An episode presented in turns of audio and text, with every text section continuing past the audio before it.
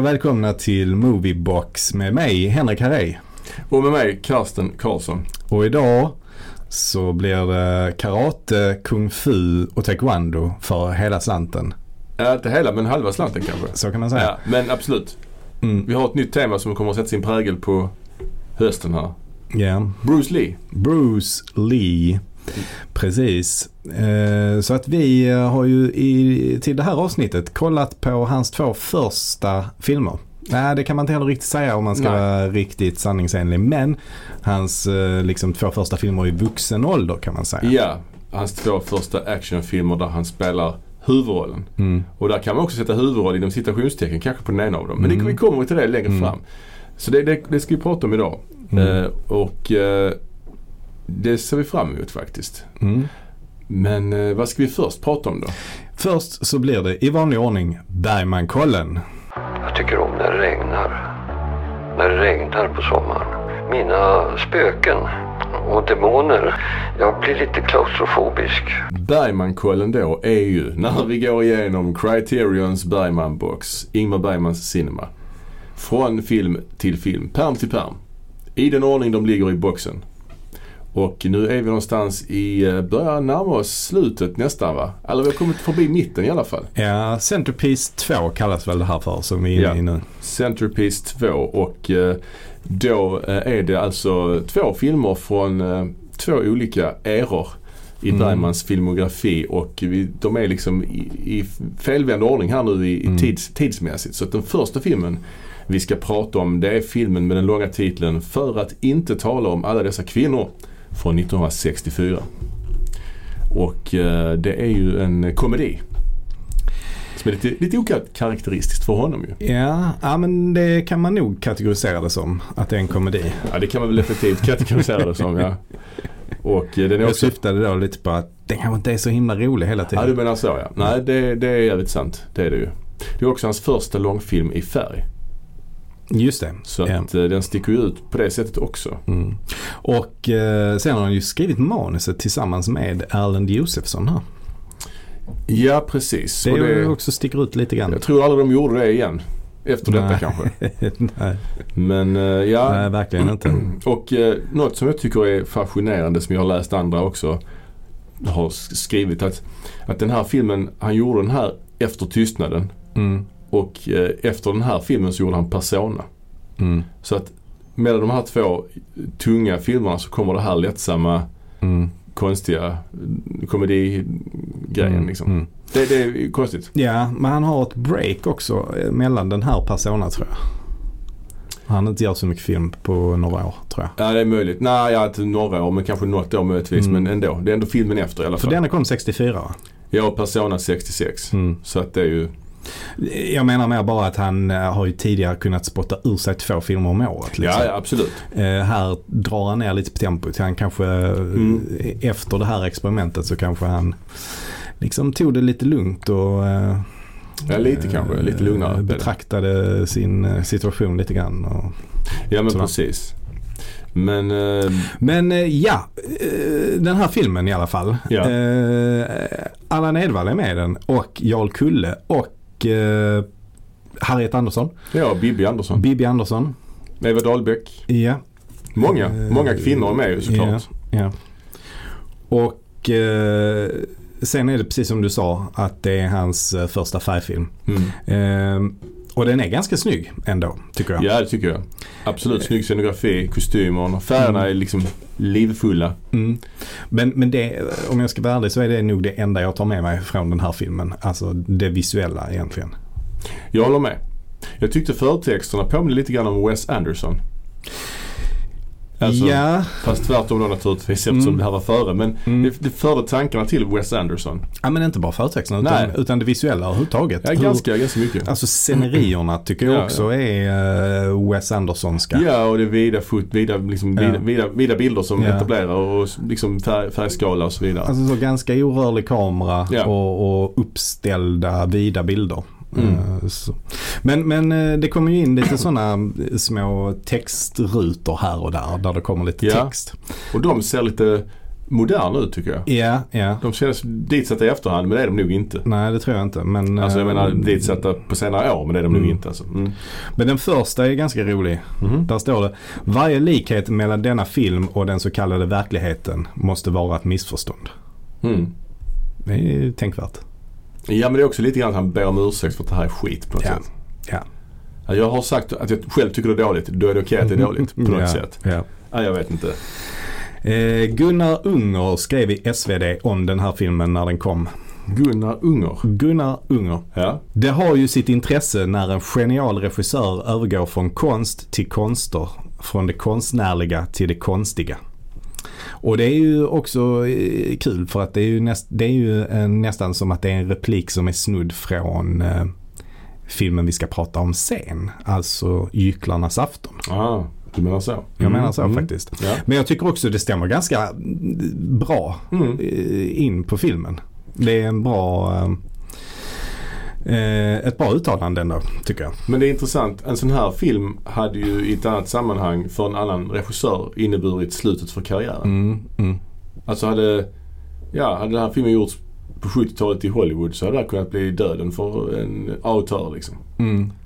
Kunnat bli någons sorcerer. Men Man, som, tänk, man tänker det men, eh, men även, om, även de regissörerna i New Hollywood på 70-talet Mm. när de gjorde sina fiaskofilmer Ja, så fick de ju ändå fortsätta sina karriärer. Alltså Sorcerer blev ju inte slutet för Freakin Nej. och One from the Heart blev ju inte slutet för Coppola liksom. nej men det blev inte samma sak efter det. Nej, det, det stämmer. Men Bergman har ju haft eh, kreativa pikar efter detta. Alltså. Verkligen. Och ehm, ja, precis. Och det var kanske tack vare dem eh, att han gjorde de valen som gjorde att han sen, alltså Mm, mm. hade han fortsatt på samma spår så hade det nog inte, Nej, nej. han hade kanske varit bortglömd idag. Det vet man inte. Eh, men det här är ju i alla fall en fars eh, Ja. skulle jag säga. Mycket så här spring i dörrar och, Mm. och så. Och eh, det är en ganska crazy eh, under bältet komedi. Mm. Eh, och det, jag kan ibland också tycka att det känns som han Bergman har tittat lite på så här brittisk eh, 60-talskomedi med, Ja. med Peter Sellers. Jag får Aha. lite den, de vibbarna ibland. Ja, kanske det. Men även stumfilmskomedier. Det är ganska mycket så slapstick och Mm. eh, fysisk komik emellanåt ju. Han gillar väl Chaplin till exempel. Mm. Tänker jag. Och sen är det ju ja, väldigt teatral och det får man ju på köpet när man har Jarl Kulle. Ja, och han spelar någon slags musikkritiker va? Mm. Som eh, ska försöka, vad ska han göra? Han, ska träffa någon känd cellist.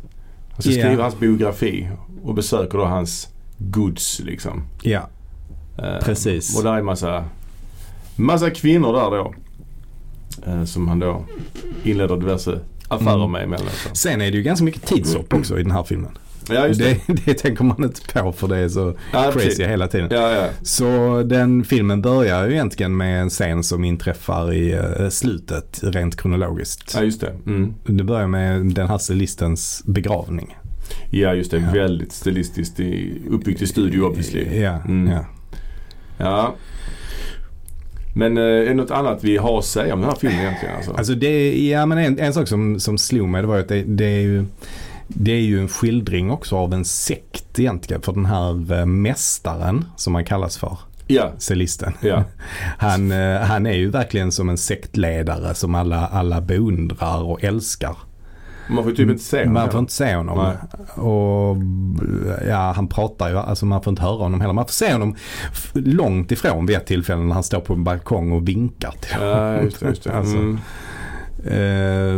Så att det är ju eh, kanske det som är ja, men ändå ganska intressant med den här filmen. Mm. Men, men, men nej, alltså, och jag, jag kan gilla Jarl Kulle.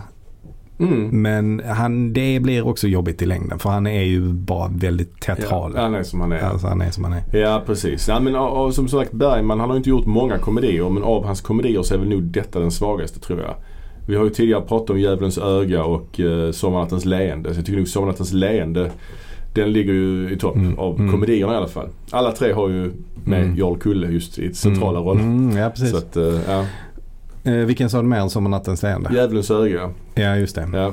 Men eh, där, är ju, där är ju ändå lite, alltså eh, det visuella, där, där finns en del roliga grejer. Det, är- det är bland annat en scen där Jarl Kulle klär ut sig till en lampa. Eller för, han Mm. liksom gör sig som en lampa så han har en lampskärm på huvudet Mm. och någon slags rosa klänning.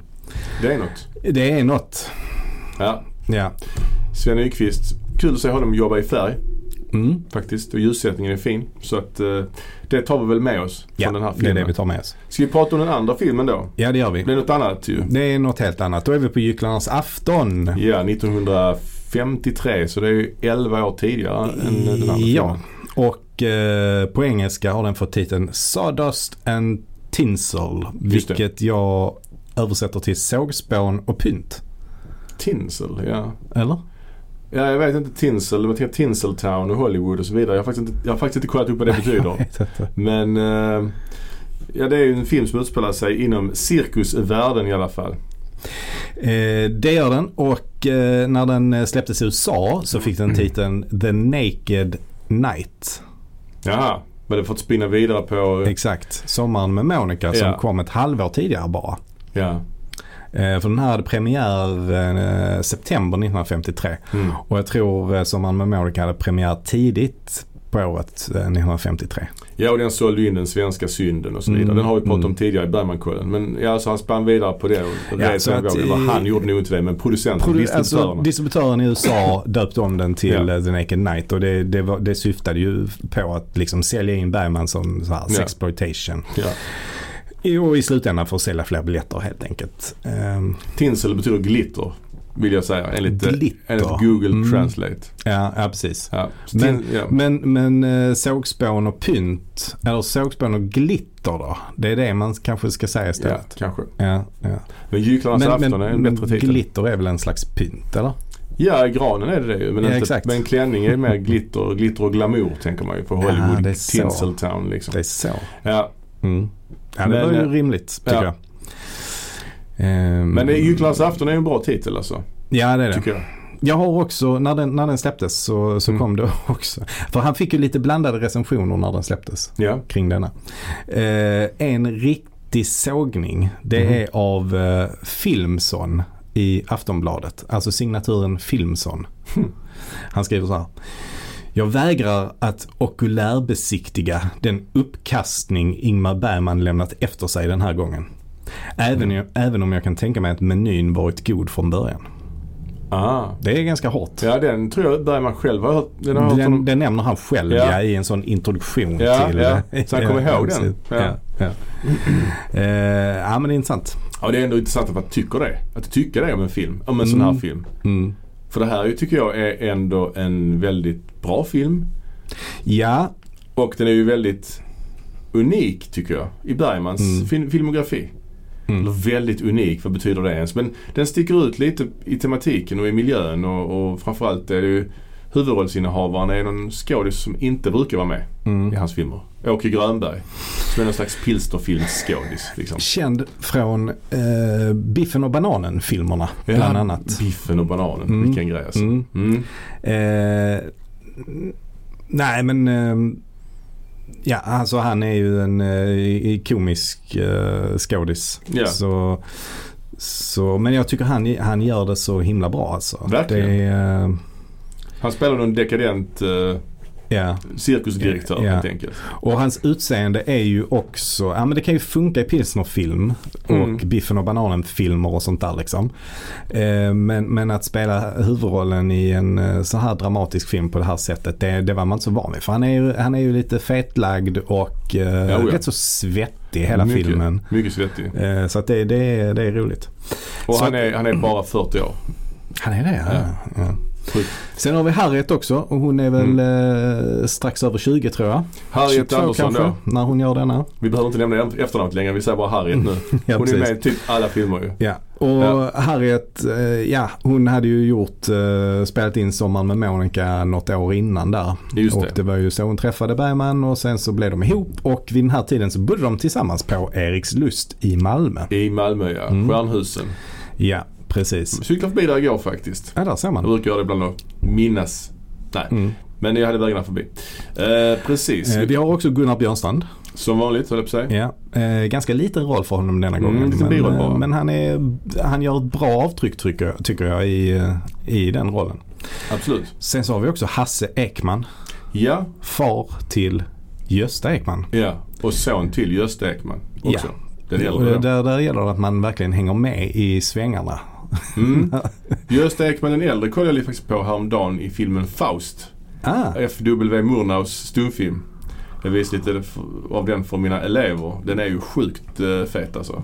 ja. ja, jag hade ingen aning att han var med i den. Ja, han spelar Faust. Han spelar, han spelar huvudrollen. Varför då? Han är ju svensk. Ja, men stumfilm. Skitsamma. Ja, riktigt, riktigt Jag fet. hade han alltså. en uh, utlandskarriär alltså, det visste jag inte. Inte så långt ju. Det är Tyskland bara. Det är bara över sundet höll jag på att säga. Mm. Ja, Ja. Ja, men eh, den, eh, den eh, får man ju kolla in. Jag har Ja. den faktiskt här Ja. i biblioteket. ja. Eureka-utgåvan. Ja. Bra. Eh, vi har också Anders Ek är också med. Ja, han känner inte riktigt till. Ja, men han är, han är med i, till exempel i Sjunde inseglet också. Ja, just det. Ja, sen har vi Gudrun Brost. Det är väl, är det inte Johannes Brosts mamma? Det är det va? Hon spelar ju en artist på den här cirkusen. Mm, alltså är det hon som är ihop med eh, då eh, Clownen. clownen, den vita clownen. Den vita clownen. Filmen kallas ju eh, för ett skillingtryck på film, skriver Bergman i början ju. Ja, det, det står ju med i, eh, i förtexten där. Ja. Och det är en märklig inledning. Det är det. Alltså man korsklipper mellan två gubbar som åker på en cirkusvagn och pratar grov dialekt. De har Ja. en tydlig dialekt. Det är ju väldigt, ingen teatersvenska utan det är någon, vad är det, östgötska? Nej, Jag kommer inte ihåg nu. Eh, vem, är, vem är du menar nu? Det vet jag inte. De som åker vagnen i början. Ja okej, ja, just Ja. det. Hur han pratar ja. Nej, det, det, det, det är otydligt. Men sen så kommer ju den här vita clownen som försöker prata någon slags danska ju. Ja, just det. Den är ganska märklig. Men sen klipper man ju till den här sekvensen där, där clownen eh, ska gå ner till havet för det är någon kvinna som badar. Mm. Och alla soldaterna står och tittar på. Och sen upptäcker clownen att det är hans fru ju. Ja precis. Det är Det det, är ju då den här clownen då. Ja. Theodor Frost heter ju karaktären. Ja. Det är ju också ett väldigt, väldigt fint eh, Bergman-namn tycker jag. Ja, det är det. Theodor Frost. Theodor Frost. Som spelas av Anders Ek. Ja. Han, eh, han har, ligger inne med någon konstig dansk eh, Mm. brytning. Mm. Eh, som ju, alltså han hade ju inte det, jag tror han är göteborgare så han hade ju Ja. inte det annars. Eh, men han, eh, ja det är väl en del i hans eh, rollfigur då. Ja precis, han får reda på att det är en kvinna som badar naken med militärerna. Så Ja. springer han ner dit och upptäcker att det är hans fru. Eh, och eh, försöker ta upp henne från, från havet och eh, skyla henne fram, framför de skrattande soldaterna. Precis. Eh, och den här scenen är ju riktigt bra. Ja. För det är ju verkligen alltså, som en film i filmen. Det är som en stumfilm va? Mm, den är gjord som en stumfilm ja. Och den, den här scenen varslar ju också om vad som komma skall. Mardrömssekvens nästan. ja, Mm. men det är egentligen hela filmen i miniatyr. Eh, skulle Mm, jag säga. Eh, för att resten av filmen är egentligen en variation på den scenen. Eh, och det var också den här scenen som, som manuset eh, hade, hade grundades i. ja, man ja, säga. Mm. Eh, och temat här är ju förnedring. Och det är ju även Ja. det som är temat för hela filmen. Olika typer av förnedring. Mm. Alltså vi har liksom den professionella förnedringen som de utsätts för senare. När de häcklas av eh, det finare teatersällskapet ju. Just det. Och sen är det ju allting kring den sexuella förnedringen också. Mm. Eh, och slutligen då när, när eh, i slutet när, när det blir någon slags duell. Mm. Ja, det blir en riktig fight. Ja, det blir en riktig fight. Och, eh, och vår eh, hjälte, cirkusdirektören, förlorar den fighten. Och blir ju också gjord till åtlöje. Ja, han slåss ju mot, mot alltså Åke Grönberg då, den korpulente svettige herren, slåss ju mot Hasse Ekman som är mycket Mm. mer slim. Som då spelar någon slags, eh, Frans heter ju Frans den, heter den karaktären. Alltså det, är- det är så här, storymässigt så är det ju, är det, ju det att de, de har ju ont om pengar och deras dräkter har förstörts i ett skyfall. Eller vad ja just det, just det. Så Circus Alberti då, eh, som cirkusen heter, Mm. de, eh, de söker hjälp när de kommer in till den här staden. Mm. Eh, där de inte har varit på många, många år. Men det visar sig också att där bor ju cirkusdirektörens eh, fru och barn som Ja. han lämnade för en massa år sedan. Ja. De bor där också. Så i alla fall så söker de hjälp av den fina teatern och eh, teaterdirektör Sjuberg som ju Gunnar. spe, spelas av Gunnar, ja Ja. precis. Eh, och när de frågar honom så säger, då förnedrar han ju dem genom att säga att vi gör konst, ni gör konster. Ja. Och det var ju det jag syftade på i, i Ja. eh, den föregående recensionen till eh, Eh, för, för för att inte tala om dessa kvinnor. Exakt, det påminner lite om Ja, den ja. repliken. Absolut. Så det är intressant att Verkligen. Bergman får det på sig själv där. Mm, mm.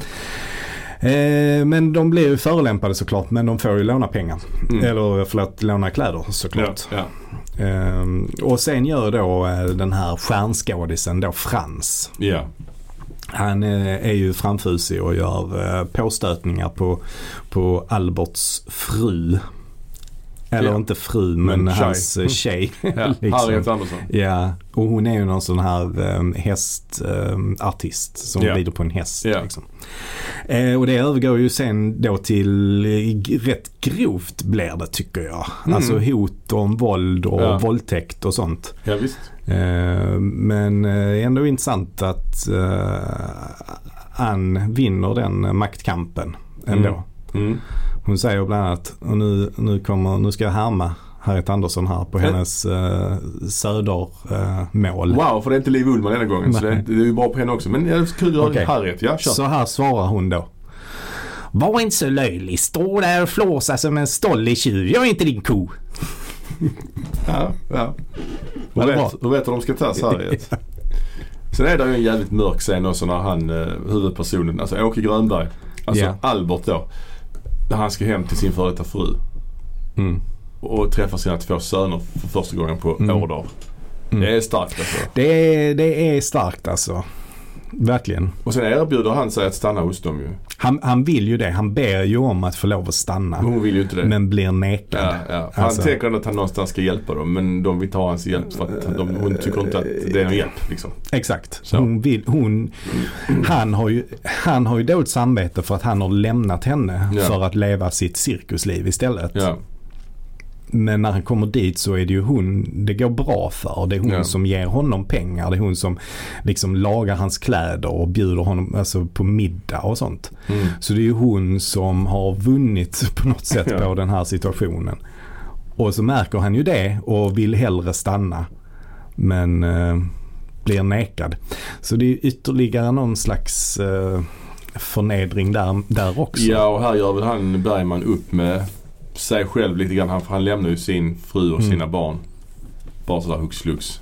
Det kan man tänka sig. I den här vevan tror jag. Eller några år tidigare Ja. kanske. Um, ja. Eh, ja, sen eh, storymässigt då så, eh, så eh, vill de ju då göra reklam för sin cirkus genom att rida igenom stan. Just det. Men då stöter de på en jättearg skånsk konstapel.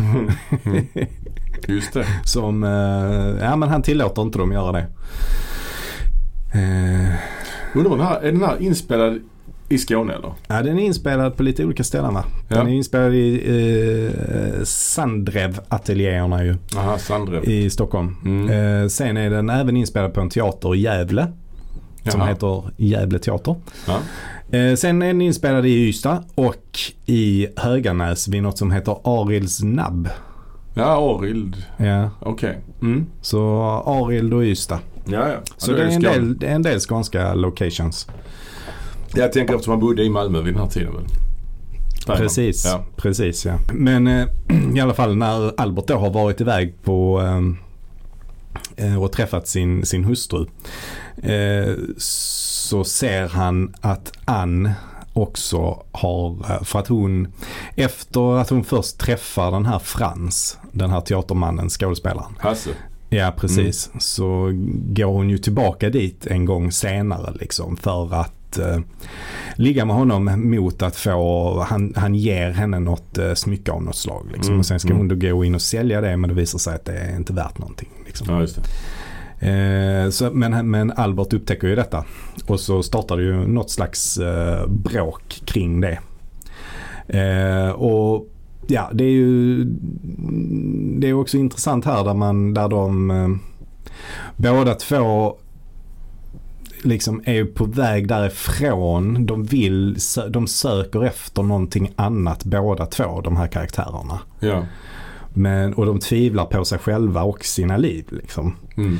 Ehm, men, eh, men i slutändan så, så blir det ju liksom ändå att de, de har ju inte så mycket annat än varandra. Nej. Eh, och, och så kan man väl säga att eh, filmen slutar egentligen. Att de finner tröst och kärlek i, i varandra. Ja. Och åker vidare till nästa stad. Är han har väl någon liten eh, något litet självmordsförsök där också i, i, i Mm. slutet typ. Eller Ja, han, han funderar på att ta livet av sig, skjuta sig i huvudet. Men Ja. det blir inte så i alla fall. Nej, men båda, båda de här karaktärerna är ju någon slags förlorare och, Mm. är, och är verkligen nere på botten. Ja. Men de har åtminstone varandra Och, i det. och det är ju uppfriskande att, eh, att han skildrar ett cirkussällskap. Mm. Det, känns, det känns lite folkligare, lite fulkulturellare än vad andra yrkeskategorier som han brukar skildra. Ja. är liksom. Precis, alltså det är ju kul att han gör ytterligare ett nedslag i någon form av eh, grupp av kulturutövare. Ja. För det har vi pratat om tidigare att det gör han ju ofta liksom. Jag har varit på balletten och han har varit inom modebranschen till exempel. Om, man Ja, räknar och så. musiker ju. Ja. I, ehm, Till glädje, va? Till glädje. Ja. Ehm, författare till exempel. Eh, Mm. Har vi ju också i, eh, i, eller i ehm, En passion va? Nej? Eh, Vargtimmen? eh, Så som en spegel. Ja, just det. Till exempel. Ja. Och så teatersällskap är ju med ganska ofta. Alltså det är med både Persona och Fanny och Alexander. Ja precis, men Också. här är det ju cirkus. Mm, det är här är det annat, cirkus liksom. som, Mm. som är... Och det har ju lite Fellini-vibbar. Den här är påminner li, lite om La Strada till exempel. Mm. Och det är ju Mm. snygga utomhusbilder på vagnarna som rullar där. Och Mm. Det är liksom Men en annan jag typ. tror ändå denna kom tidigare va? Eller? Eller Ja, åtminstone jag typ, ja. Kanske. tror det. Eh, ja, det finns mycket jag gillar med den här filmen och jag eh, tycker att det här är en av Bergmans absolut bästa filmer. Ja, och nu ska vi ju, vi ska ju ranka alla filmerna i slutet av året. Så att, eh, jag vill inte säga för mycket heller. Nej. Men eh, absolut eh, bra. Men jag, jag vill ändå höja denna. Jag tycker denna är, till, denna är ett mästerverk alltså. ja. Eh, den har en snygg narrativ struktur till exempel. Den utspelar sig Mm. ju under en dag tror jag. Ja, kanske det. Typ, mer eller mindre i alla fall. Mm. Alltså det är väldigt kort period. Det känns som det är en dag. Det är, i, mitt huvud är det en dag. Ja, det kan vi Alltså man, man, filmen börjar ju med att eh, cirkusdirektören Albert vaknar upp inne i sin vagn och sen så går han upp och sätter sig och så rider de ju in i den här stan. Och sen tror jag att allt, och så sätter de upp tältet där och, Mm. Och så har de sin cirkusföreställning och så händer det en massa grejer där eh, Ja. och sen åker de vidare till nästa stad. Ja, så men- det, är ändå snyggt att, att ha de ramarna i, i en berättelse tycker jag. Absolut. Nej, men jag Eh. tycker det här är också, jag tycker också det är en jättebra film. Jag har, bara sett den en gång innan. Mm. eh, innan jag såg den inför det här då. Och det var jättelänge sedan så jag kommer inte ihåg Mm. mycket liksom. Men jag skulle verkligen vilja se om den igen faktiskt Mm. snart. För jag tycker den var, den var livfull och som du, alltså bra tempo också. Bra tempo. Och, och sen tematiken är, är också jättebra tycker jag med alltså en eh, det, det finns ju, han skildrar ju ofta konstnärer som vi sa på olika sätt liksom. Ja, Eh, och eh, de kan man ju då dela upp i olika typer av konstnärer. Den förödmjukade konstnären som vi har här. mm. Men eh, även i en annan film då som, eh, eh, som vi snart ska se. Som eh, heter Ansiktet. just det. Där vi också har ett liknande tema. Det blir väl nästa Bergman-kolon. tänker Ja det tror jag. Ja. Eh, eller, eller då eh, den lite mer eh, eh, jag vet inte hur man ska, eh, vad man ska säga. Den här konstnären som eh, liksom parasiterar Mhm. på andra. Som David i Så som i en spegel. Ah. Eller eh, Elisabeth Fågler i Persona. Ja, ja, ja. Eh, Mm. Så det är två, två olika. Men, eh, men just ändå den förödmjukade konstnären tycker jag är alltid ett intressant eh, tema. Verkligen. Och åter, återigen rolig casting då med han Grönberg i huvudrollen. Oväntad casting liksom. Mm. Kul. Mm. Ska vi stänga Ja, Bergman-kollen för den här gången?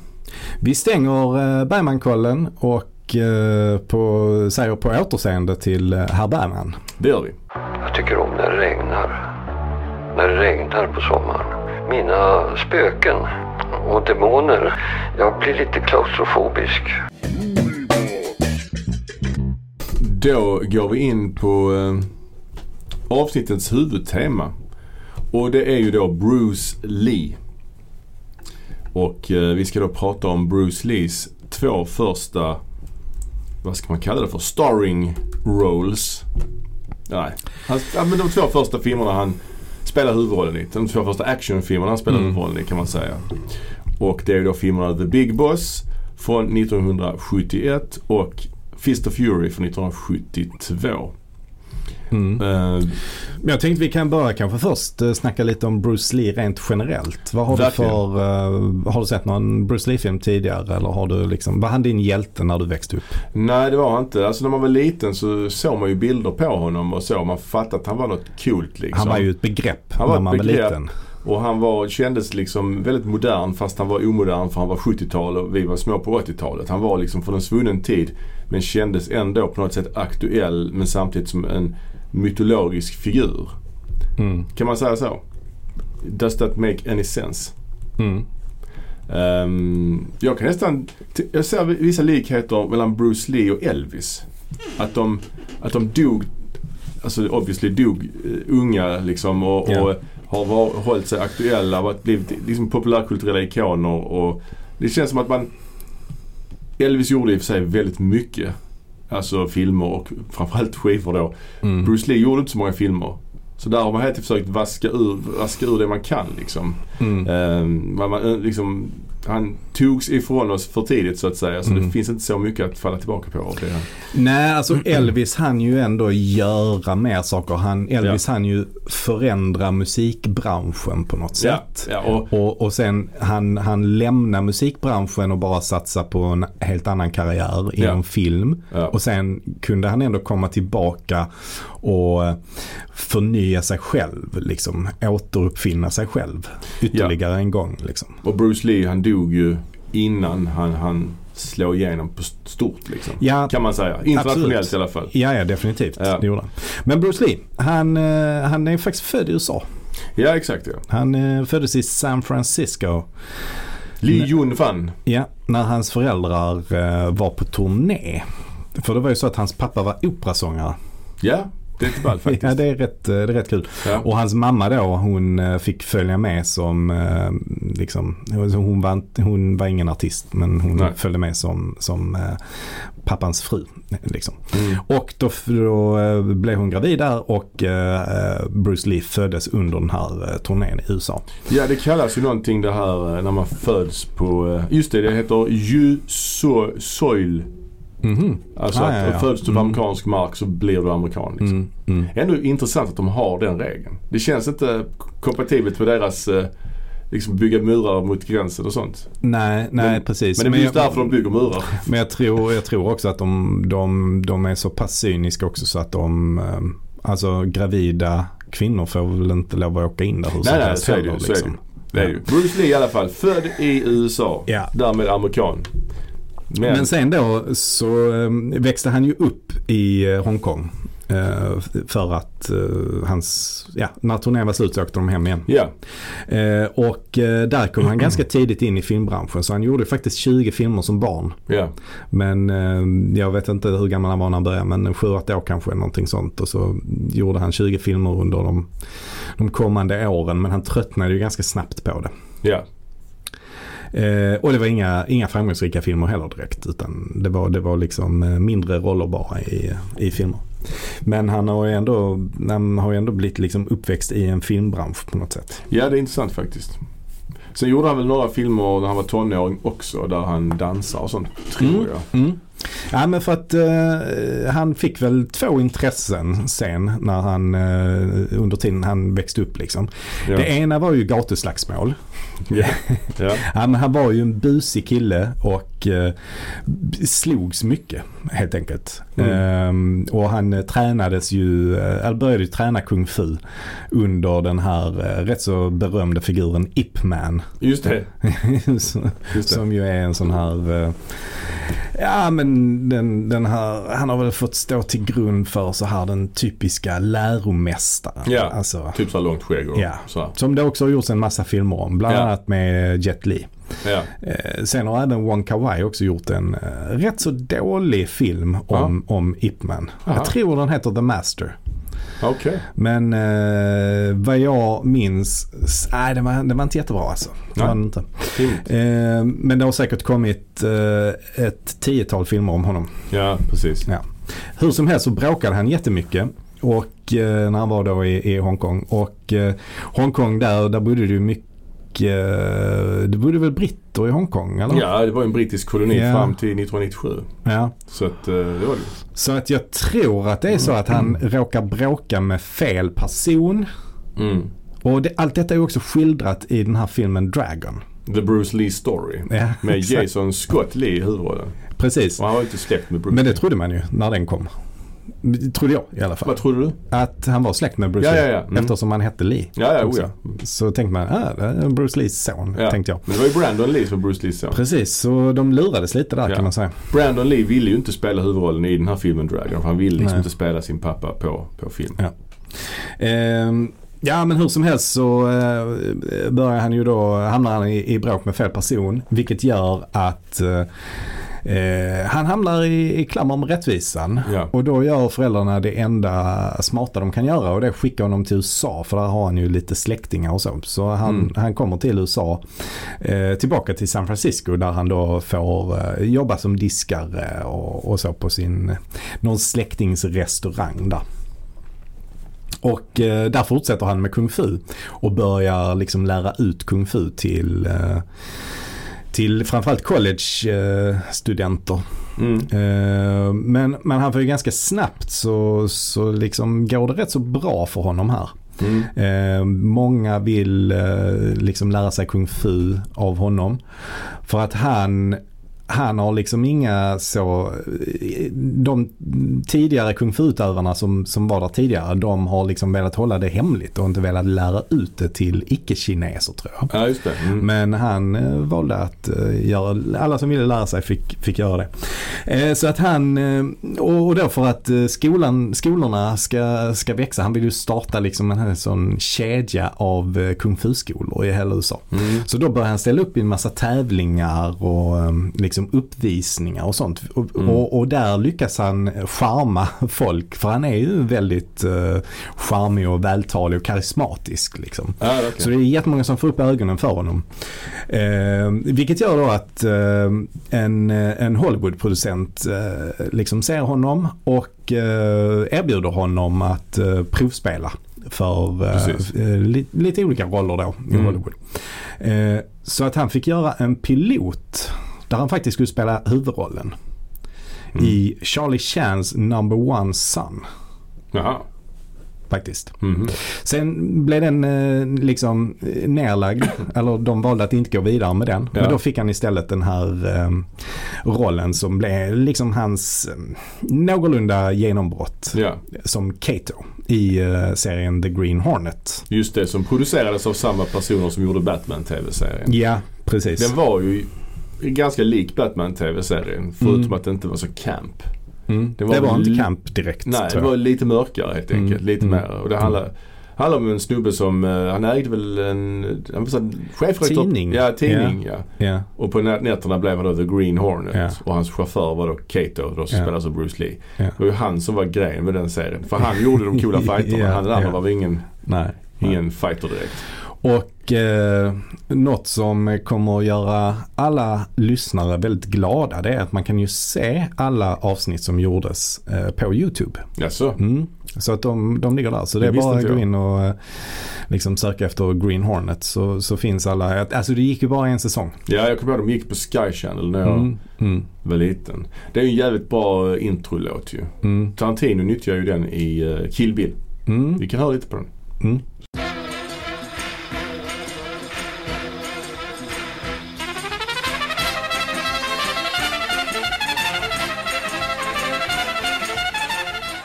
Han är fet. Ja, och de gjorde även en crossover med Batman. Ja, det är en sekvens där eh, Kato slåss mot Robin. Mm. Mm. Det är rätt ballt faktiskt. Ja, det är ball. Ja. Eh, ja, nej, men under inspelningen här så lär han ju känna väldigt många i Hollywood och sådär. Mm. Och, och det gör också att han kan locka till sig eh, eh, kändisar till hans skola. Så bland annat Steve McQueen Mm. börjar ju på hans skola. Även eh, James Coburn också. ja. Det är väl de jag, de jag vet. Sen har han ju tränat hon Sharon Tate också ju. Mm. Vilket är Mm. med i den här Tarantino-filmen ju. Once upon a time in Är det med Hollywood. där? Det är en kort sekvens där de, där de tränar också faktiskt. Aha, okej. Väldigt kort. Ja. Eh, Nej, Den har nog bara flashat mig Ja, förbi. nej, det är verkligen bara klipp. De, de bugar mot varandra i stort sett. Något sånt i en trädgård. Jag har nog bara sett den en gång alltså, Ja, okej. på bio då. Ja, Okej, jag har nog sett den tre gånger kanske. Mm. Eh, bra film. Nej, jag har inte sett, jag tror inte jag har sett om den faktiskt. Ja, Alltså- det- alltså väldigt bra. Och han som spelar Bruce Lee är sjukt lik alltså. Ja, det är helt bisarrt. Ja, ja. Eh, och eh, ja, huruvida det var så det gick till i verkligheten, det, det vet ju ingen. Nej, det är Så att va? Men, men däremot så, så eh, finns det ju en ganska känd eh, kampsportsutövare som heter Gene LeBell. Mhm. För han har varit ganska involverad så här i, eh, i MMA och så. Mm. Bland annat tränat eh, Ronda Rousey. Ja. Eh, tror jag. Men han var, eh, han var eh, stunt, stuntman vid den här tiden. Så Okej. han, han har liksom varit, för jag tror också Bruce Lee var lite stuntman också tror jag. Ja, och fight choreographer Ja. och så vidare. Ja Mm. precis. Mm. Så att de, de kände varandra där och Bruce Lee som var ju liksom tränad in, inom kung fu. Mm. Han, alltså båda de två liksom lärde varandra sina olika tekniker. För Gene LaBelle var ju Mm. mer så här brottare och eh, inom judo och sådär också. Ja.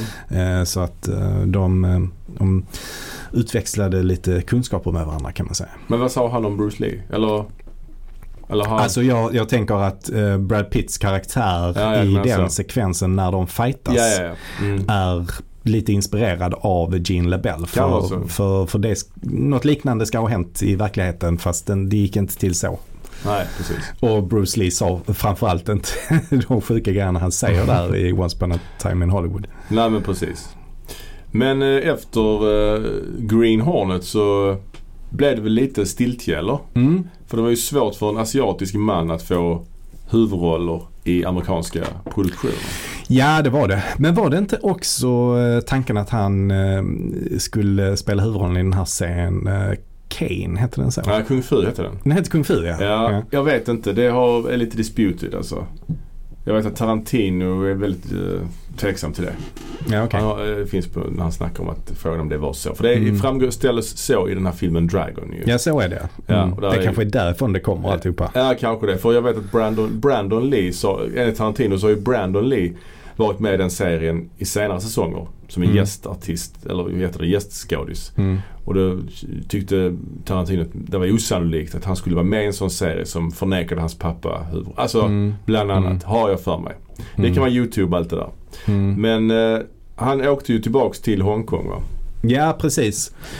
Eh, och där visade det sig ju att när han steg av planet så stod det massa med fotografer Ja. och, och sånt som skulle plåta honom. Han förstod liksom inte varför. Men Nej. det visade sig snart att eh, tydligen så hade Green Hornet visats i Hongkong också. Ja, Men där kallades den inte för Green Hornet utan den kallades för The Kato Show. ja precis. För det var ju hans som, alltså hans, den karaktären som var hela grejen med, med serien i eh, Hongkong.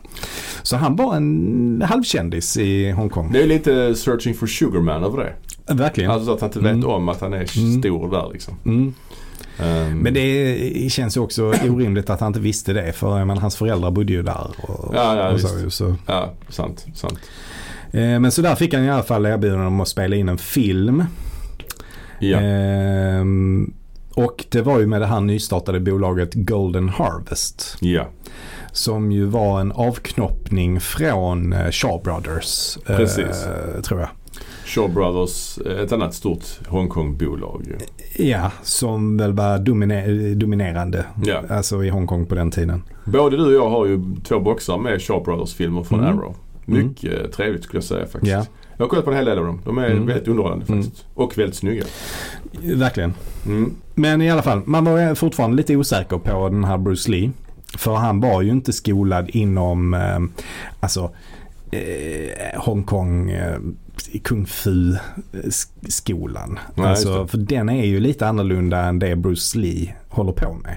Ja. Bruce Lee är ju väldigt så här, ja, det, alltså dels så höll han ju privat på med att försöka så här, hitta den mest effektiva kampsportsformen. Det var ju det han var intresserad av. Det skulle vara Ja. effektivt liksom. Mm. Så därför började han ju ganska tidigt med att utveckla sin egen variant på, eh, på kung fu. Ja. Som sen kallades för Jet Kune Do. Som är en slags blandning av olika. Exakt, man tar, in, man tar in det som är effektivt från olika Mm. kampsporter. Liksom. Lite från kung fu, lite från karate, taekwondo, brottning, boxning och så vidare. Liksom. Och så använder man Mm. det som är mest effektivt. Och det känns ju också som en föregångare till MMA egentligen ju. Alltså mixed martial arts. Att han blandar Exakt. stilar liksom. Absolut. Så han är ju ändå det fascinerande med honom är ju att han är ju en skådis men han är ju också kanske den största kampsportsmänniskan Ja, någonsin på något sätt. Ja men absolut. Alltså Ja. det, det, det får man ändå säga. Alltså han, han är ju hyllad inom eh, MMA. Ja. eh, Liksom, Han är ju ansedd, liksom. Han är ansedd, Ja. absolut. Och så lite som Det- filosof också eh, till det, till det också. Liksom, Precis, precis ja. Ja för han pluggade ju faktiskt i USA, pluggade han faktiskt filosofi. Så Ja. det, man märker att han liksom har snappat upp grejer här och där som man sen använder Ja. till s- att skapa sin egen persona. kanske. Ja, det finns ju det här klassiska uttalandet han med i TV när han pratar Be like water. Be like water. This is what it is, okay? I said, empty your mind. Be formless, shapeless, like water. Now, you put water into a cup, it becomes the cup. You put water into a bottle, it becomes the bottle. You put it in a teapot, it becomes the teapot. Now, water can flow or it can crash. Be water, my friend. Men det, det är klassiskt när han pratar om hur man då ska anpassa sig efter en situation att vara som vatten. Mm. Någonting man tar med sig i vardagen. Ja, verkligen. Ja. Ehm, Men sen fick Men han... hur som helst, han fick då um, erbjudandet om att vara med i en, eh, i en eh, film. Mm. Och eh, då var de ju som sagt fortfarande lite osäkra på honom eftersom han var inte så klassiskt skolad i alltså kung fu för film. Ja, det. Är det ju. Nej, För att kung fu för film, alltså särskilt eh, tidigare liksom i 60-talet och sådär. Det är ju långa fighter och det handlar ju Mm. mer om hur det ser ut än att det ska vara effektivt. Men, Ja. men Bruce var ju bara helt inriktad på att det skulle gå snabbt. Mm. Så att det är ju en helt annan stil också som kommer in här i detta. Men hur som helst, han fick då göra ett slags screen test. Så att mm, i manuset till den här första filmen så var det ju eh, inte klart vem av skådisarna som skulle bli huvudrollen. Eller egentligen vilken av rollerna som skulle bli den rollen som eh, blir huvudrollen. Det är ju en jävla märklig grej alltså. Det är en märklig grej. Och filmen vi pratar om är ju alltså The Big Boss. 1971 släpptes den. Ja, eller som den hette på svenska, Big Boss. Just det, man tog bort the. Mm. Det händer ibland. Precis. Eh, så att det var ju då två... Eh, The Beach till exempel heter bara Beach. Exakt. Ja, ja. Ja. Två stycken skådisar. Två skådisar. Det är ju då Bruce Lee och James Tien. Just det. Eh, och då var man osäker på vem av dem skulle bli the leading man. Ja. Och den som var liksom mest karis- karismatisk och sådär Mm. fick bli det. Och eh, det blev då Bruce som blev det. Så därför, därför börjar ju filmen lite märkligt. Den börjar ju Mm. med James Tien som någon slags eh, hjältefigur. Ja, Men så dör han ju ganska snabbt i, eller efter en halvtimme kanske. ja det inte snabbt. Nej, det är inte så- nej, nej. det är inte så Det är det snabbt. som är det konstiga ju. Ja. Eh, och eh, det är väl också dessutom så att eh, Bruce Lee han kunde väl inte prata manda, mandarin va? Han kunde vara kantonesiska Så kan det kanske Så vara att han är ja. ju dubbad också med en annan tror jag. Ja, ja, ja. Jag tror det. Mm. Men precis, så Bruce Lee har ju inte mycket att göra. Han är inte, de första 40 är ju inte han så central. Han är Nej. någon slags eh, mystisk sidekick Mm. till den man då tror är huvudpersonen. Mm. Men jag vill ändå säga att man ser ändå direkt, alltså på något sätt storheten i Bruce Lee. Alltså för han Mm. äger ändå scenerna hela tiden när han är med. Ja, och han är, och ja. hans karisma på något sätt lyser ju igenom. ja men han är ju väldigt, alltså han är ju ja, ikonisk. Alltså det är ju liksom, han, han äger ju, Mm. äger ju bildrutan så att säga. Eh, Den här filmen, eh, har du sett den här innan förresten? The Big Boss? Alltså jag har sett den en gång för eh, väldigt, väldigt länge sedan. För de släppte ju hans filmer på VHS. Mm. Om det var på 90-talet eller om Mm. det var senare. Men alla hans filmer släpptes på VHS på Mm. nytt och då hyrde jag dem kommer jag ihåg. Så då såg Mm. jag alla de här filmerna. Eller Ja. alla, det är väl fyra liksom kanske som släpptes då. Men ja. Ja, men slutet på 90-talet såg jag den ja. i alla fall. Ehm, det är också intressant att den eh, släpptes i USA som Fist of Fury. Fists of Fury. Fists Ja. of Fury. Eh, det finns ju två versioner också. Det finns ju en uh, mandarin cut också. Ja. Som jag har sett också. Den fanns i min Arrowbox. Uh, och ironiskt då att inte han kunde mandarin tydligen. Mm. Mm. Men jag kan nämna lite, det finns, den är något längre än, än den vanliga klippningen. Mm. Vanliga versionen. Så jag kan nämna eventuella skillnader när vi kommer till det. Det är, Mm. inte, det är inte så mycket. Nej men den här släpptes ju i eh, flera olika versioner också. Alltså det, det kom ju en europeisk version och en amerikansk version också. Mm. Och musiken då skiljer sig ju. Eh, Mm. Det är ju väldigt grym musik. I den, Ja. Det finns en japansk soundtrack också ju med, med Ja. sång i början. Mm. Den är häftig. Mm. Och det, det jag kan tycka är lite trist för jag tittade ju på originalversionen. Liksom the Ja. theatrical eller jag vet inte vad den Men kallas den för. vanligt kinesiska. Ja. Ja. Ja. Och där är ju inte den här väldigt kännetecknande musiken är ju inte med. Nej och den är till den engelska dubben. Ja, Och den är skriven av Peter Thomas. ja.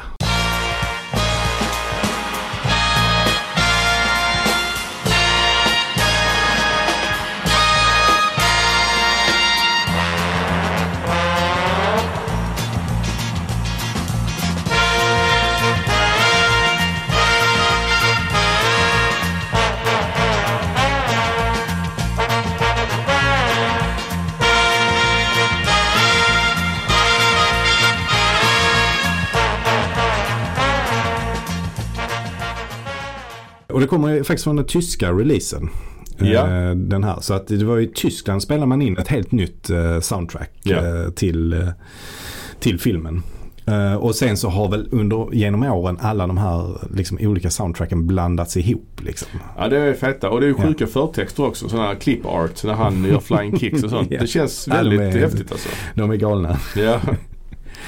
Eh, ja, eh, storymässigt så handlar det ju, det påminner ju lite, det är lite självbiografiskt nästan. Han kommer tillbaka till Hongkong. Nej, Thailand är de ju. Ja, de är i Thailand. Eh, Men ska den utspela sig i Thailand också? Jag tror det. Ja, okej. Jag tror det är Thailand ja, utspelar ja, sig. Men det är liksom, det är svårt eh, liksom för alla pratar ju samma språk och Mm. så vidare. Så Mm. att, men det är Thailand. Mm. Eh, och som sagt, han kommer hem igen. Ehm, och, eh, Och så har han lovat att han inte ska fightas. Han ska inte slåss. Nej. Och så har han då på sig en, eh, ett halsband. Som ska påminna honom om detta. Ja med en grön amulett. Ja. ja. det är så fint. Är det Jade Ja, det är stenen. Eh, och sen har någon polare då som spelar alltså han Tien. Mm. Och eh, de, eh, Eh, Bror till och med kanske. är de bröder ja det är de kanske. Kan vara. Känns som att de skulle kunna vara det. Ja, kanske. Oklart. Mm. Ja, han har en polare i alla fall spelas av James Tien. Och de, eh, när de hänger så har de ju, tänkte du på det att de, när de håller varandra i handen så hoppar de skithögt tillsammans Nej. i fighter. Det tyckte jag var lite lustigt. De Mm. kunde bara hålla varandra i handen och sen hoppa. ja, ja, ja. Ett, eh, förhöjd realism på något sätt. Eh, men storyn handlar ju, det är ju en ganska basic story. Det är en ond fabriksägare som Ja. är då the big boss. ja. Han har en fabrik, ja, de, de, de, Tillverkar is. de tillverkar is, ett ishus eller vad säger man, vad kallas det ens? Frys, fryshus. Fryshus. De gör is, eh, stora isblock liksom. Mm. Och i det isen, i, i, i, de- isblocken så smugglar han knark. Ja. Och det är några som upptäcker det och blir, blir mördade. Mm. Och styckade. Mm. Det är rätt brutalt. Alltså, jag, jag vet inte, i The Mandarin Cut så har man med lite mer sånt. Ah, Okej. Där de Ja. skär av armar och ben och sånt. Mm. Det tycker jag var lite, ja, lite, lite fel. Just den här Mandarin Cut, man ser när det är nya scener för de är mycket, mycket sämre kvalitet. Mm. Alltså äh, Mm. blekare färger och sånt. Så man, bilden ändrar färg ibland liksom. Ja, pang. ja. I ett klipp Nej, och jag så. fattar. Ja. ja. Och eh, ja, Bruce Lee han är ju då, blev ju då en slags förman på den här fabriken. Ja, precis. Efter, att, efter att hans brorsa har eh, blivit dödad. Så, Ja. eh, Är det hans brorsa? Ja, det Ja, det. vi säger det. Ja, det det, kan- kän- ja. det känns som att de är, Ja, de är eh, ganska många som är släkt med varandra där, ja känns det är som. ja, ja. Han är ju där med någon släkting också. lite komplicerat. Kusin då? Kanske kusin. Brylling. Ja, skitsamma. Ja. Ja. Ehm, ja, men han får ta över som förman ja. efter ett tag. Mm. Men det är väl det att det händer, alltså, det händer inte så jäkla mycket i den här filmen. Alltså. Och det går rätt långt mellan uh, fighting-scenerna. Så att ni- den är ändå lite tråkig ändå tycker jag. Det den är här lite tråkigt men ett kul tidsdokument. Absolut. Och när man ser Ja. en sån, vi har ju båda två varsin ny, hyfsat nyutgiven box ju. Du har ju den Criterion-boxen, Mm. den kommer för några år Mm. sedan. Jag har ju Arrow. Det är ju så jävla bra bild alltså. Mm. Det är ju så krisp. Så det ser Mm. ut som är gjort idag fast det är 1971 liksom. Mm. Det är kul. Men i alla fall, lite då och då i handlingen så eh, uppstår det ju små eh, fighting-scener. Ja. Eh, oftast är det att Bruce Lee slåss mot 20 eller 30 personer samtidigt. De attackerar honom en och en. Det är så smart. ja, ja, precis. Eh, men, men här kan jag ändå tycka att alltså fighting-koreografin är inte top notch alltså. Nej det är det, det är det inte. Jag är inte såld på den riktigt. Nej. Även om jag förstår att Bruce Lee ville skapa något eget och gå ifrån det klassiska. Det Mm. kallas tydligen för Peking-opera. Stil. Alltså det är någon slags musikdramatik egentligen som det kommer Ah, från. okej. Som kinesisk. Eh, där man håller på att fightas väldigt, väldigt länge och liksom det, man gör jättemånga snabba sparkar. Eh, Mm. Alltså Jackie Chan kör ju på det till Ja. exempel. Medan här är det mycket mer en spark, en riktigt hård snabb spark och sen eh, ligger fienden på marken. Liksom. Ja. Ehm, men, men här blir det inte så, eh, ja men jag tycker inte det, det är inte så, det är inte så snyggt och det är inte så spännande och det, man blir inte riktigt wow. Nej. Sen är det ju ibland eh, för överraskande våldsamt. Ja, alltså det det, blir knivar används också och det är ju Mm. sånt där illrött 70-talsblod som jag aldrig har riktigt kunnat eh, gilla. Men Nej, det, har- det har jag svårt för ja. också. Nej men absolut det är ganska våldsamt och han kör väl också eh, fingrarna rätt genom bröstkorgen på någon. ja, det kommer ju senare. Eh, han är också, han är också klädd naturligtvis i så, kallade kinaskor. Minns du kinaskorna från Oh, 80-talet? Om jag minns Det det. var grymt att ha jag det. tänker Alltså. ofta på dem. De kan inte vara bra för fötterna alltså. Nej. Det var väl ingen som helst eh, sula på dem. Det var bara plast. Nej, det var hårdplast. Hårdplast. Alltså sån tunn skiva hårdplast. Ja, det alltså, får, in, ingenting, nej. det nej får det- Converse att framstå som liksom värsta... Ekoskorna. ja, precis. Värsta Birkenstock-skorna. Ja. Jag hade svarta och vita. Ibland blandade jag så jag hade en svart och en vit samtidigt. Birkenstock-skor. Du, hörde du vad jag sa? Jag blandade. jag bara fokuserat på att du sa Birkenstock-skor. Har de Ja. gjort skor Ja, någonsin? men eh, Man- sandaler. Om, du säger Birkenstock så tänker jag på sandaler. Ja, sandaler. Eller tofflor. Men de är fotriktiga, det kan vi överens, komma överens om. Ja, jo det är de väl. Men, Ja. ja, ja, okej. Men en svart och en vit sko samtidigt. Ja, Är vadå? inte det något? Hade folk det eller? Jag hade det Hade du det? ibland. Jag hade ett par vita och ett par svarta. Jag blandade ibland. Gjorde för det var fräckt. För det var 80-talet liksom. Ja. Ja. Ja, det ringer någon klocka men jag tror aldrig att jag, jag, jag hade nog inte den, den liksom, jag var inte lika Avantgardistisk. eh, avantgardistisk inom eh, mitt eh, mode som, som du kanske. Nej, nej, nej. Eh, Lite, lite mer återhållsam kanske. Ehm, men där är också en sekvens där eh, han festar sen ju. Bruce. Ja, Där han blir full. han blev full. På någon Ja. slags bordell. ja, det är väl ingen bordell? Är det? Är inte det? Nej, nej. Ah, Okej. nej, det är ingen bordell. De är ju hemma där hos, med, med familjen. Ja, okej. Han har ju den tjejen där ju som Just det. också. Ja, just det, just det, just det. Ja. Men sen berättar ju hon om heroinet. Att det finns i isen. Mm. Och det har vi ju redan sett själva ju. Vi har ju sett det som tittare så det blir liksom ingen överraskning för oss. Nej, nej. Nej men det är därför, ja, ja men det är det som gör att filmen har problem bland annat. Ja, att, att den ju- har ett ja. eh, lite stökigt berättande på det sättet. Att vi Mm. vet en hel del saker innan. Liksom, som, Ja, precis. Som inte Bruce vet om. Och så måste Bruce få reda på det på något sätt.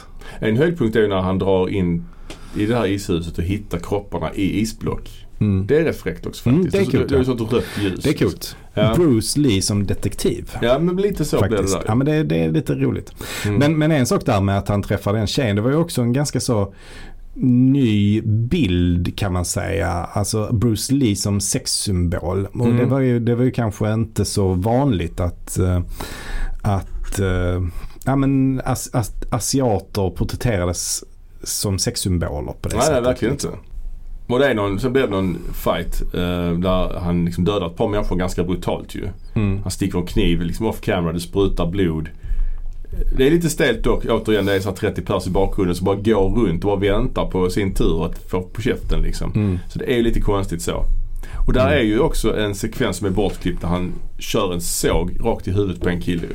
Ah, okej. Eller inte bortklippt, den finns nog inte Det finns bara en stillbild på det. Mm. Men det, i filmen tar han sågen och slår off liksom bredvid Mm. kameran. Man hör ett ljud. Mm. Men man får inte se resultatet. Och det är när han sätter liksom en fogsvans rakt i huvudet på en kille. Mm. Men det är inte med helt enkelt. Det är också en fin, fin grej när han sparkar en kille genom en vägg och hålet i väggen blir format exakt efter kroppen. Det är bra. Det är som, bra. rikt- som riktigt film. Ja, ja, men det är väl kanske eh, filmens eh, höjdpunkt ändå. Mm. när, när, det, när det händer. Ja, kanske. Eh, och sen är det ju en del så klassiska scener som man ändå känner igen. Som när, om, om det är någon, han blir, Bruce blir kanske skuren av en kniv eller någonting sånt. Ja. Och han, han känner så på bröstet där kniven har tagit och sen Mm. så tar han upp eh, fingret till munnen och smakar på sitt eget blod. Och, Och så blir han ännu mer rage. han liksom, ännu mer rage. Ja, precis. Ja, men det är ju en klassisk Bruce Lee-bild på något ja, sätt. oh ja, oh ja. Men efter, efter den här fighten så drar han väl hem typ och, och hittar alla sina vänner typ mördade. Ja. Och då ska han hämnas på The Big Boss som Mm. ligger bakom allt detta. Men i The Mandarin Cut, Mm. innan han be- beger sig iväg för hämnd, då Mm. drar han tillbaks till den här bordellen Ja. och uh, köper sig en prostituerad och sex bäddar. Bara helt Ah, random. okej. Ja. Det är också en nakenscen där Bruce Lee, alltså så här. Där han är naken fast han, har, han står liksom bakom en fåtölj. ja, just det. Just det. Ja. Ja. Ja, precis. Ja, men den är inte med i eh, den vanliga Nej. theatrical. eh. ja, den tillför inte jättemycket. Nej, alltså det är väl ändå lite det att uh, liksom porträttera honom som sexig. Att skapa, Ja. en, skapa en sexsymbol. Ja, nej det var Tror väl jag. kanske inte lika, Och det var nog ändå rätt så eh, framgångsrikt tror jag. ja kanske det. Ja, sen är det ju då eh, att han ska dra till The Big Boss eh, hus och slåss mot honom. Och där Ja. är ju det han hoppar över hans vakthundar. Just det. Eh, Jätte, jättebra. ja. Ja. Ja, han hoppar högt kan man verkligen säga. Ja, verkligen. Då kommer han bossen ut ur sitt hus och ska Mm. visa hur grym han är. Mm. Och då tar han en bur med en undulat och slänger upp i ett träd. Det är också en konstig här statusmarkör och visar hur grym han är. Ja. Det är jättesjukt alltså. Ja, det är märkligt när han bara står där med den uh, buren. Ja. Skitlänge står han ju där. Och så bara kastar upp den. Det är så obvious att de har spelat filmen baklänges också. Ja, Alltså- ja, ja exakt. Ja. Men det är ju en rätt fet slutfight ändå. Tycker jag. Ja. Helt okej. Jag tycker nog inte att den var så himla fet Det är faktiskt. liksom skruvad. Bruce Lee lyfter honom och kastar honom så landar han på fötterna och sen Ja. flyger de i luften och sparkar varandra. Alltså det är ju väldigt så här Mm. Mm. förhöjd realism så att säga. Mm, mm. Ja, men jag tycker väl kanske att den är lite taffligt gjord. Det är, Ja, väl, det, kanske är väl, det, det är väl mer det. Alltså om man jämför med alla slutfighter jag har sett i mitt liv så ska jag Mm. inte säga att den här hamnar på topp 100 liksom. Eller kanske Ja, någonstans kanske topp 90, 100. 92, 93 92 plats. Ja, jag vet inte. Nej men jag, jag tycker bara inte att eh, det, här, det här är en lågbudgetfilm Mm. liksom. Och, och man, man, man har fått eh, göra grejer lite, lite väl snabbt och Mm, sådär ibland kanske. på sina håll. Så att jag är inte, jag är inte superimpad ändå. Och ehm, det är ju rätt så häftigt när han kastar kniven mot honom och Bruce Lee sparkar tillbaka kniven och han får den i- Ja i magen. Och sen går han fram till honom och bara trycker in sina fingrar i hans Ja, bröst och bara, Ja. eller i magen till och med. Och sen blir han tagen av polisen i slutet. ja Bruce. precis. Lite, Ja, hårt. Men där Hårt. finns det ju också lite olika slut på filmen. ja lite, kanske. lite olika klippningar. Ja, ja, ja. Mm. Där finns ju en där, där inte det är med tror jag med, med Ja, ja, ja. poliserna. Liksom, där de bara slutar. Ja, den är lite seg. Men det är hans första, hans första film ju. Ja, Som- jag, som- ty- jag tycker den får godkänt. Liksom. Ja, ja den får godkänt som en, eh, för att vara vad det är. En lågbudgetfilm och hans eh, debutfilm. Så, Ja. så får den väl godkänt. Men eh, redan året efter, 1972, Mm. så kom han ju ut med en ny film. Fist of Fury. Fist of Fury. Samma regissör. Mm. Svensk titel. Ingen aning. Fist of Fury. Eller? Fruktans nävar. Fruktans nävar. What? Ja, fruktans nävar. Ja. Men Fist of Fury är ju en cool titel. Ja, det är väldigt cool. Ja, det får man Det säga. är ju tio gånger coolare än The Big Boss. ändå. Ja, The Big Boss. eh, Ja, det är en konstig titel. Ja. Ja. Det utspelar sig i Mm. Shanghai. Mm. Tidigt 1900-tal. Mm. Jag tänker faktiskt inte på heller riktigt att det är. Men, men det är, ska vara det tror jag. Ja. Och han kommer liksom tillbaks till den skolan där han har blivit upplärd va. Mm. Och mästaren hans har dött. Mm. Han är snyggt klädd där i vit kostym, Mm. Bruce Lee. Mm. Det är lite nice. Men man, man märker direkt att eh, det finns en annan budget här. Alltså de Ja, har ja. fått jobba med ett större filmteam. Ja. Liksom, allting ser mycket snyggare ut. Ehm, Och det är sjukt fet musik i förtexterna också. mm, mm. Lite påminner lite om så här um, Ennio Morricone-aktigt. alltså verkligen. så italiensk uh, så, Ja, det spaghetti är pampigt, storslaget. Mm.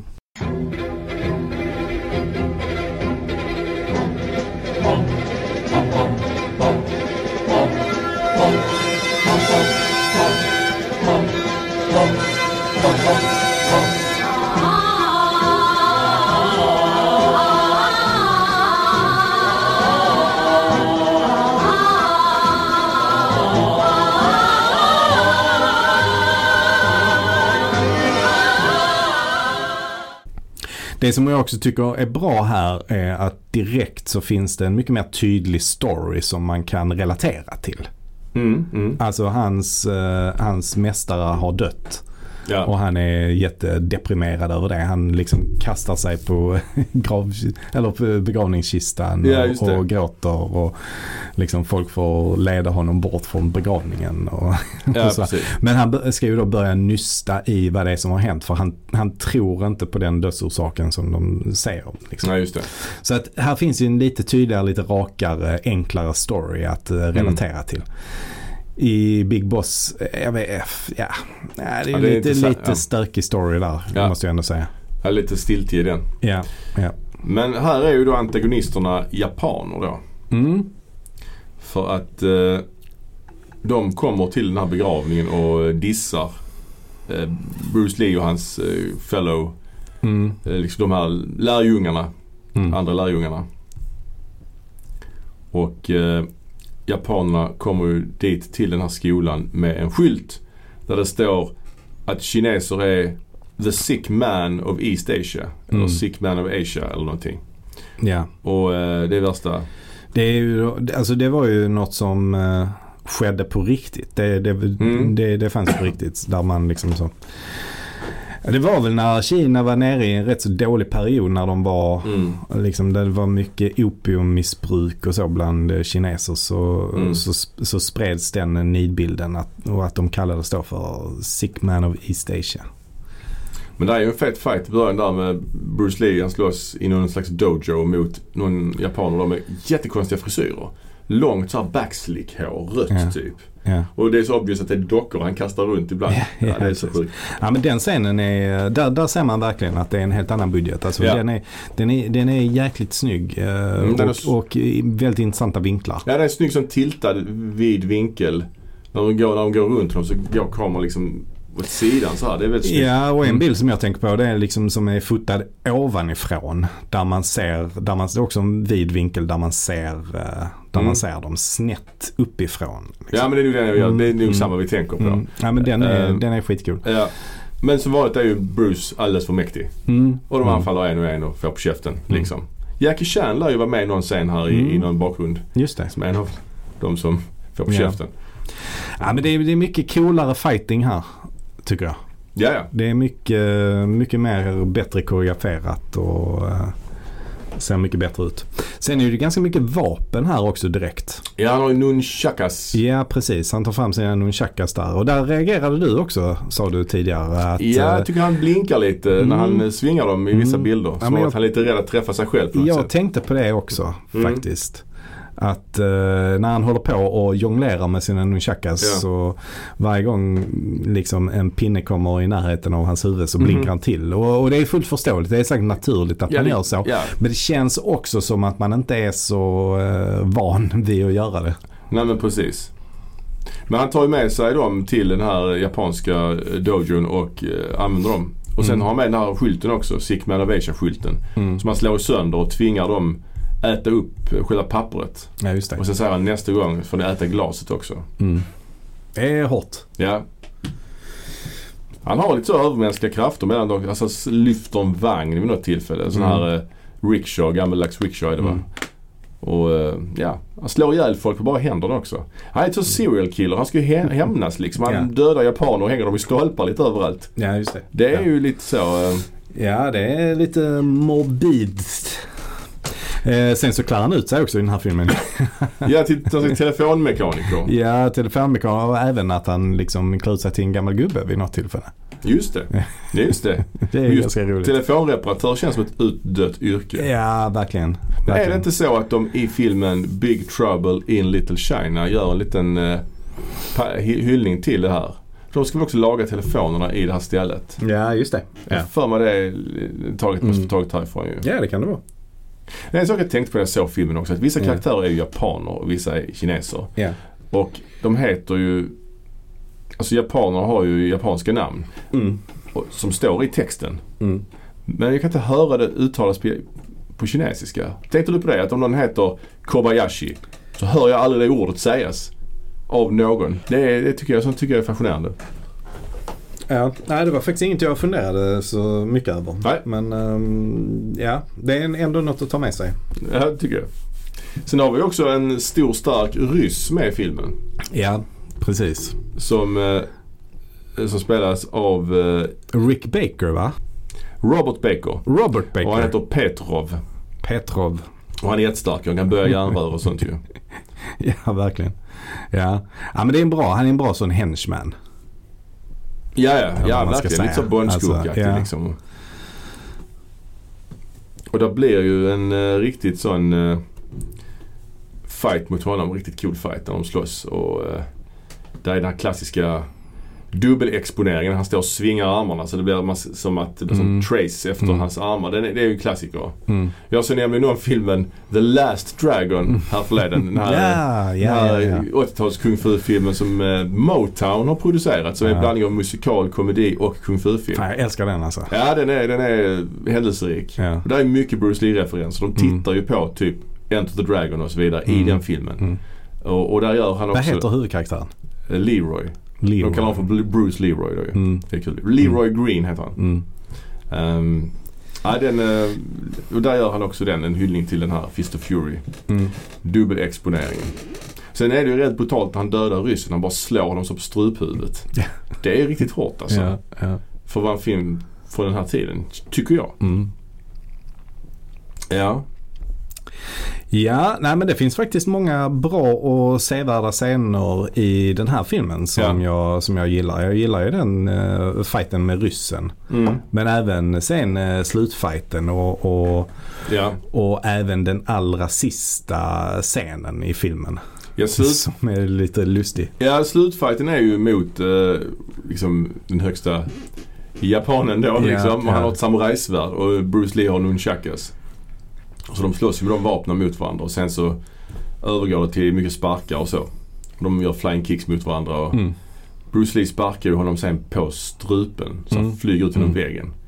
Ut på gården och ligger där helt blodig liksom. Det är ganska, Ja men den är cool den scenen. ja. Eh, och sen den allra sista scenen. Då, Ja det är ju, de går tillbaks till den kinesiska skolan och där ligger ju alla döda. Japaner har dödat alla. ja. Så det är Ja. först får vi följa andra karaktärer som upptäcker det. Mm. Och sen kommer den här japansk, en av de här japanska dojo-ägarna dit och förnekar allting. Han har för övrigt en Hitler-mustasch också, Mm. tydligt.